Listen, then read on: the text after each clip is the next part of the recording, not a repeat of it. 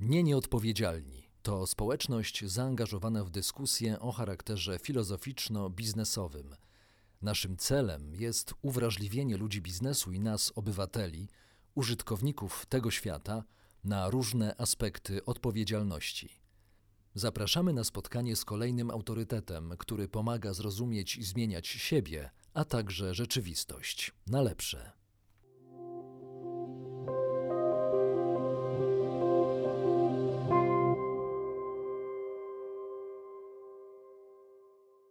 Dzień dobry Państwu. Dzisiaj w telewizji Nieodpowiedzialnie Online chciałbym przywitać kolejnego gościa, a jest nim pani Anna Giza, profesor Uniwersytetu Warszawskiego, socjolog. Dzień dobry pani profesor. Dzień dobry Państwu.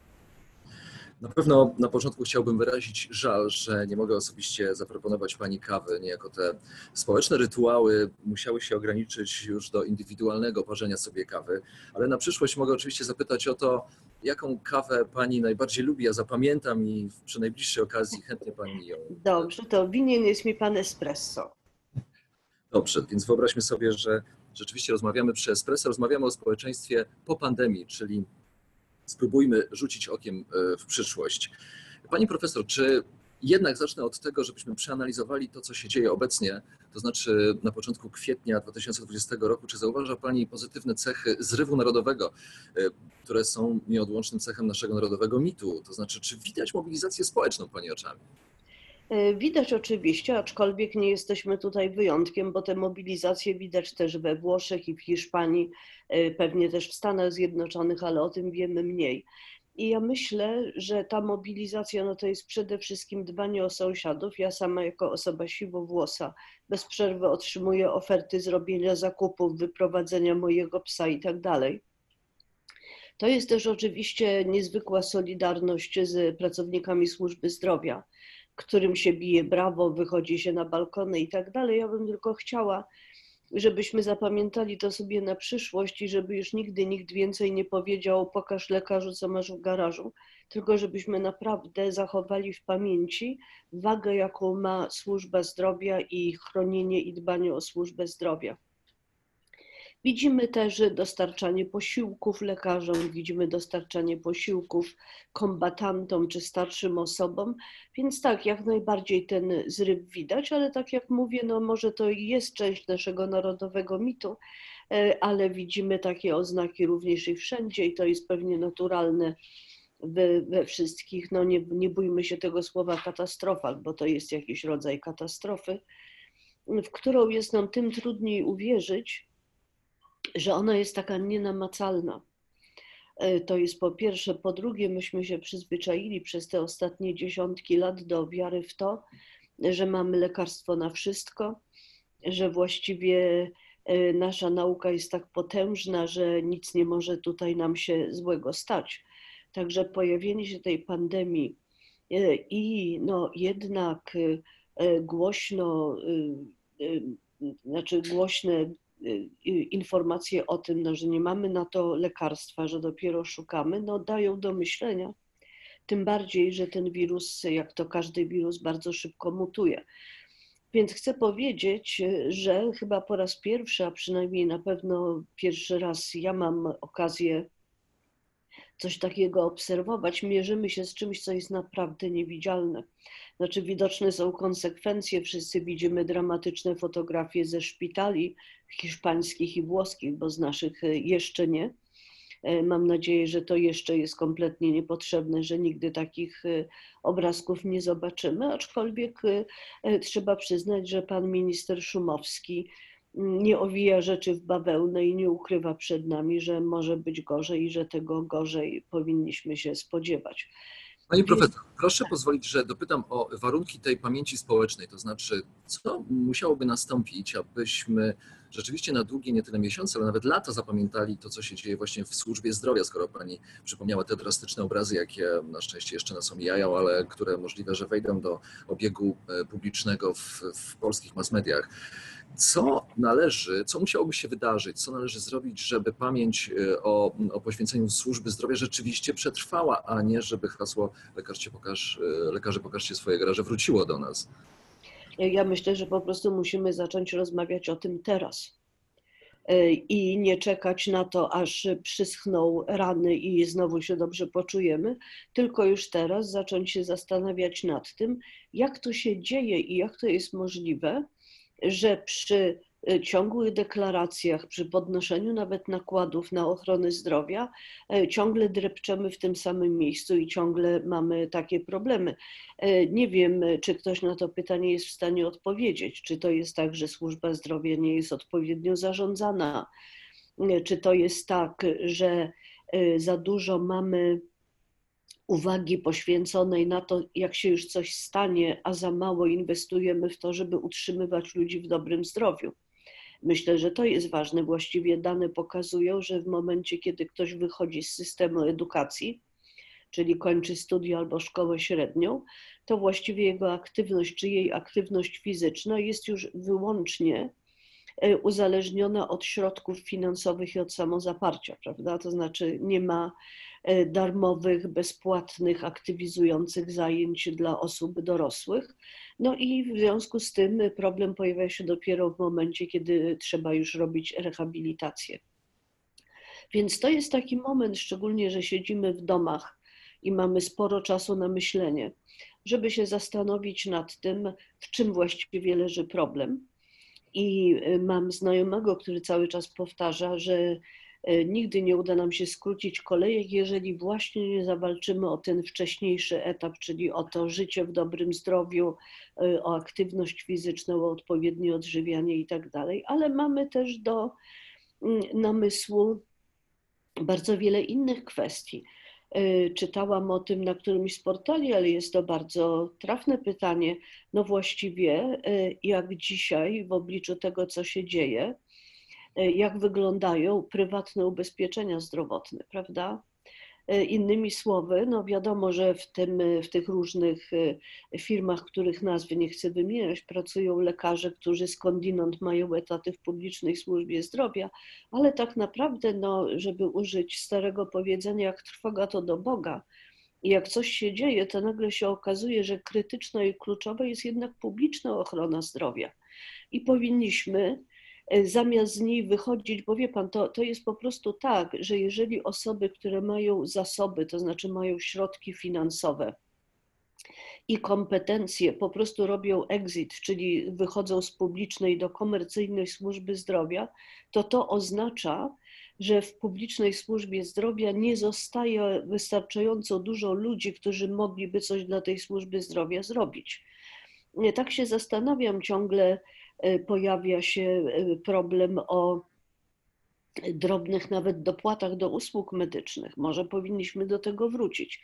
E, ale tak jak powiedziałam, ochrona zdrowia to jest jedna rzecz. Druga rzecz to jest system edukacji, który właściwie objawił całe swoje nieprzygotowanie w momencie tego kryzysu, ponieważ no zgódźmy się, ja nie mówię tutaj o szkołach, ale również o uczelniach, my kompletnie nie potrafimy korzystać z nowoczesnych technologii do zdalnego nauczania, ponieważ rzecz nie polega na tym, żeby zamiast mówić do klasy, mówić do nich przez YouTube'a, tak?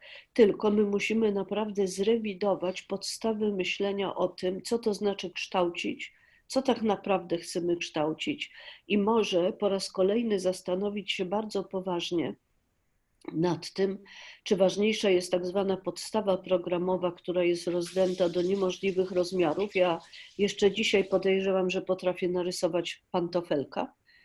Zastanawiam się tylko po co, tak? E, natomiast za mało jest w naszej edukacji samodzielności, samodzielnego rozwiązywania problemów, a zdalne nauczanie ma sens tylko pod warunkiem, że zrewidujemy myślenie o uczeniu, prawda? Czyli nie jest to jednostronny transfer wiedzy, tylko raczej e, zachęcanie uczniów do tego, żeby szukali informacji i żeby pracowali nad rozwiązaniami, a potem możemy podyskutować, e, które te rozwiązania się dobrze sprawdzają, a które wymagają rewizji. Żałuję bardzo, że nie możemy być świadkami tej rodzajowej sceny, jaka odegra, odegrała się gdzieś obok pani profesor, bo słyszeliśmy skrzyp drzwi, które, które ktoś otworzył wchodząc do pokoju. Proszę pozdrowić od nas tę osobę. E, A teraz y, wracając do tego, co, y, co Pani powiedziała i też o czym rozmawiamy, to znaczy pewnej płynności, bo zauważyła Pani, że opieka zdrowotna przeniosła się, przynajmniej część przeniosła się do sfery prywatnej i w sytuacji kryzysu niejako wyparowała, nie możemy na to liczyć. Dokładnie, tak. E, Nie możemy też za bardzo liczyć, jak się okazuje, a szczególnie rodzice dzieci w wieku szkolnym i studenci na e, edukację taką w pełni realizowaną, dlatego że no jest to niemożliwe, ponieważ właśnie to też niewidzialne zagrożenie zablokowało w ogóle te kanały przepływu informacji i wiedzy, które, z których korzystaliśmy do tej pory. I, I co teraz właściwie? To znaczy, jak powinniśmy zaprojektować świat, aby do takich sytuacji nie dopuszczać? To znaczy, nawet gdy przenosimy coś do sfery prywatnej albo gdy przenosimy coś do, do tak zwanego online'u, to e, jak e, zachować proporcje, żeby, żebyśmy wciąż zachowywali no właśnie pełne funkcje społecz w społeczeństwie?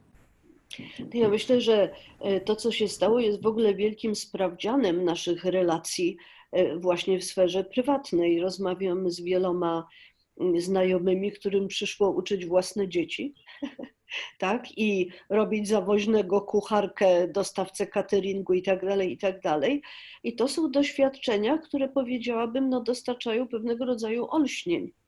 E, kiedy nagle się okazuje, co znaczy znowu stare powiedzenie, bodaj byś cudze dzieci uczył, jak ciężka jest to praca, jak wiele trzeba mieć cierpliwości. Ja oczywiście rozumiem, że wobec własnych dzieci to jest jeszcze gorzej, bo od razu sobie myślimy, Matko Święta, może to po mnie odziedziczył tę, tę potę, tak? Więc e, te nasze dzieci dużo o nas mówią. Ale ja myślę, że to też jest wielki sprawdzian i wielki powrót do namysłu nad rolą szkoły, bo my rzeczywiście nauczyliśmy się spychać wszystko na szkołę i mówimy, no szkoła wychowuje, uczy i tak dalej, a my ewentualnie tam pół godziny przed snem z dzieckiem o czymś porozmawiamy. No teraz musimy zobaczyć, że i przekonać się, jak duża, jak duża to jest odpowiedzialność, jak ona jest całościowa, prawda? I że jednak być może to też będzie taki impuls, żeby rodzice bardziej się angażowali w szkołę, bo się kompletnie nie angażują w szkołę, prawda? Mamy niby rady rodziców, e, ale tak naprawdę one w większości przypadków, o ile wiem, e, mają charakter no, całkowicie pozorny. Ewentualnie jest to taka grupa kulturalno-oświatowa, która załatwia autokar albo decyduje, dokąd dzieci pojadą na wycieczkę. Więc tak naprawdę e, to jest też, ponieważ musimy teraz przejąć bardzo dużo funkcji od instytucji i zacząć zajmować się naszymi bliskimi, ale też i spędzać z nimi czas. No, krążą takie memy po internecie, jak to pewien pan zmuszony do siedzenia w domu z dziećmi i żoną e, zrobił półki, wszystkie te e, tam e, porobił rzeczy, których nie miał czasu zrobić przez całe poprzednie życie, no ale na czwarty dzień już nie wytrzymał i wyszedł z domu lizać klamki i futryny. E, tak, bo okazuje się, że myśmy trochę się odzwyczaili od bycia razem, chociaż oczywiście to bycie razem no, też jest bardzo ograniczone, bo musimy siedzieć w czterech ścianach. Więc y, ja myślę, że to jest też taki czas namysłu. No, siłą rzeczy nie możemy chodzić do galerii handlowych, prawda? Może to jest taki moment, szczególnie, że teraz chyba wszyscy robią porządki, bo jest na to bardzo dużo czasu i nagle się przekonujemy o czymś, co bardzo często y, słyszałam na przykład od mojej mamy, że, że pracujemy na śmieci tak naprawdę, tak? że właściwie kupujemy masę kompletnie zbytecznych rzeczy, nie wiadomo po co i nie wiadomo dlaczego. Więc może to jest też taki moment y, refleksji nad tym, czego naprawdę potrzebuję i co jest naprawdę ważne w życiu. Ale też. Pani profesor, że ta refleksja dotyczy wszystkich grup społecznych, y, bo my możemy tutaj prowadzić e, rozmowę, e, która będzie rozmową meta na poziomie e, tak, tak. Prawda, analizującym świat, albo tak jak chcielibyśmy, żeby ten świat wyglądał, ale czy rzeczywiście on będzie dotyczył wszystkich grup społecznych, to znaczy, czy my po tej pandemii osiągniemy większą spójność społeczną po prostu. Trudno mi powiedzieć, głównie dlatego, że nie wiadomo, jak długo pandemia potrwa, bo gdyby ona potrwała długo i gdyby pojawiły się problemy, nie wiem, z zaopatrzeniem i tak dalej, to to jest oczywiście bardzo wymagający test dla Solidarności Społecznej i no niestety y, nie zawsze go w 100% zdajemy. No to wiadomo, historia pokazuje takie przykłady, ale naturalnie ma Pan rację, że ta refleksja będzie różna, bo różnie będziemy dotknięci pandemią. Y, wszyscy ci, którzy którym wydawało się do tej pory, że są niezniszczalni i sobie sami poradzą, że ZUS jest bez sensu, że właściwie można funkcjonować na marginesie e, tego publicznego systemu, no dość boleśnie przekonują się, że zostali sami sobie pozostawieni. E, być może to będzie jakiś jednak poważny powrót do tego, co zostało Y, oddalone, mianowicie do kwestii ochrony praw pracowniczych, do związków zawodowych. Wiadomo, że związki zawodowe trzymają się dobrze tylko w starych przemysłach, prawda?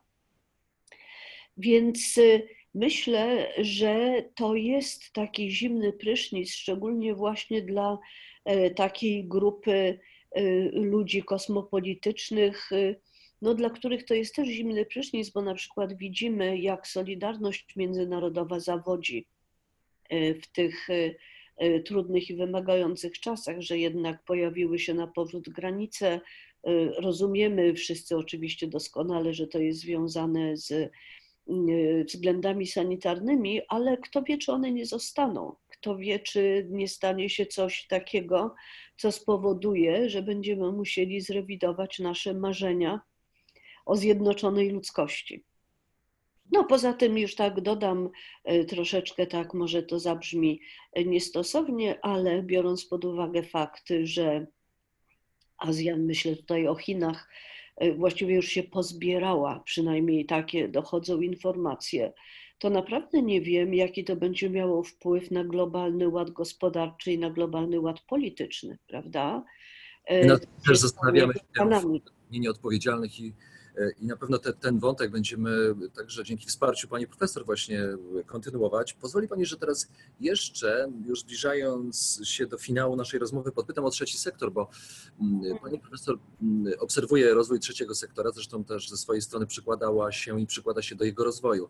Jakie pani widzi perspektywy dla niego w tej nowej rzeczywistości już po pandemii? Ja myślę, że y, to, że to, no, y, powiedzmy sobie szczerze, trzeci sektor ma już problemy od jakiegoś czasu, prawda? No to wiadomo, że, że zmieniły się polityki, zmienił się y, sposób dystrybuowania funduszy inicjatyw obywatelskich i tak dalej, ale myślę, że trzeci sektor przede wszystkim musi rozważyć zmiany strategii działania. Y, z, na strategię łączenia sił, w tym łączenia sił z dużymi instytucjami, z sieciowymi organizacjami, w których są ludzie i zasoby, i które naprawdę, jeżeli się uda z nimi wejść we współpracę, to to może bardzo dużo zmienić. Na przykład y, Fundacja Biedronki, która została właściwie już y, w czasach, kiedy zaczynał się koronawirus i y, która powstała, to co naprawdę bardzo odbieram bardzo pozytywnie, to to, że y, zdecydowała się od razu na współpracę z Caritasem, czyli to nie chodzi o to, że ona będzie budowała swój wizerunek i będzie Zosią Samosią i będzie sama aktywizowała, opiekowała się i tak dalej. Nie, zdecydowała się na podzielenie się jakby y, sławą i chwałą jednak z dużą sieciową organizacją, która ma ludzi, ma zasoby, która potrafi to robić i tak dalej.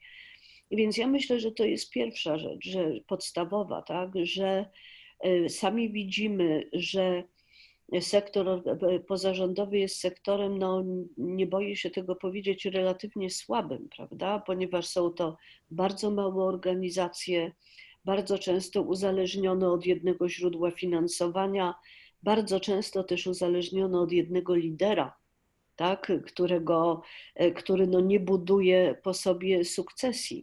I widać, że to się nie sprawdza, że jednak my musimy, to zresztą było stare marzenie organizacji pozarządowych, żeby tworzyć sieci rozgałęziacze i tak dalej. No powstała sieć biur porad obywatelskich i tak dalej, one wszystkie zwiędły. Może trzeba było właśnie, nie wiem, wejść w kooperację z wyższymi uczelniami, prawda?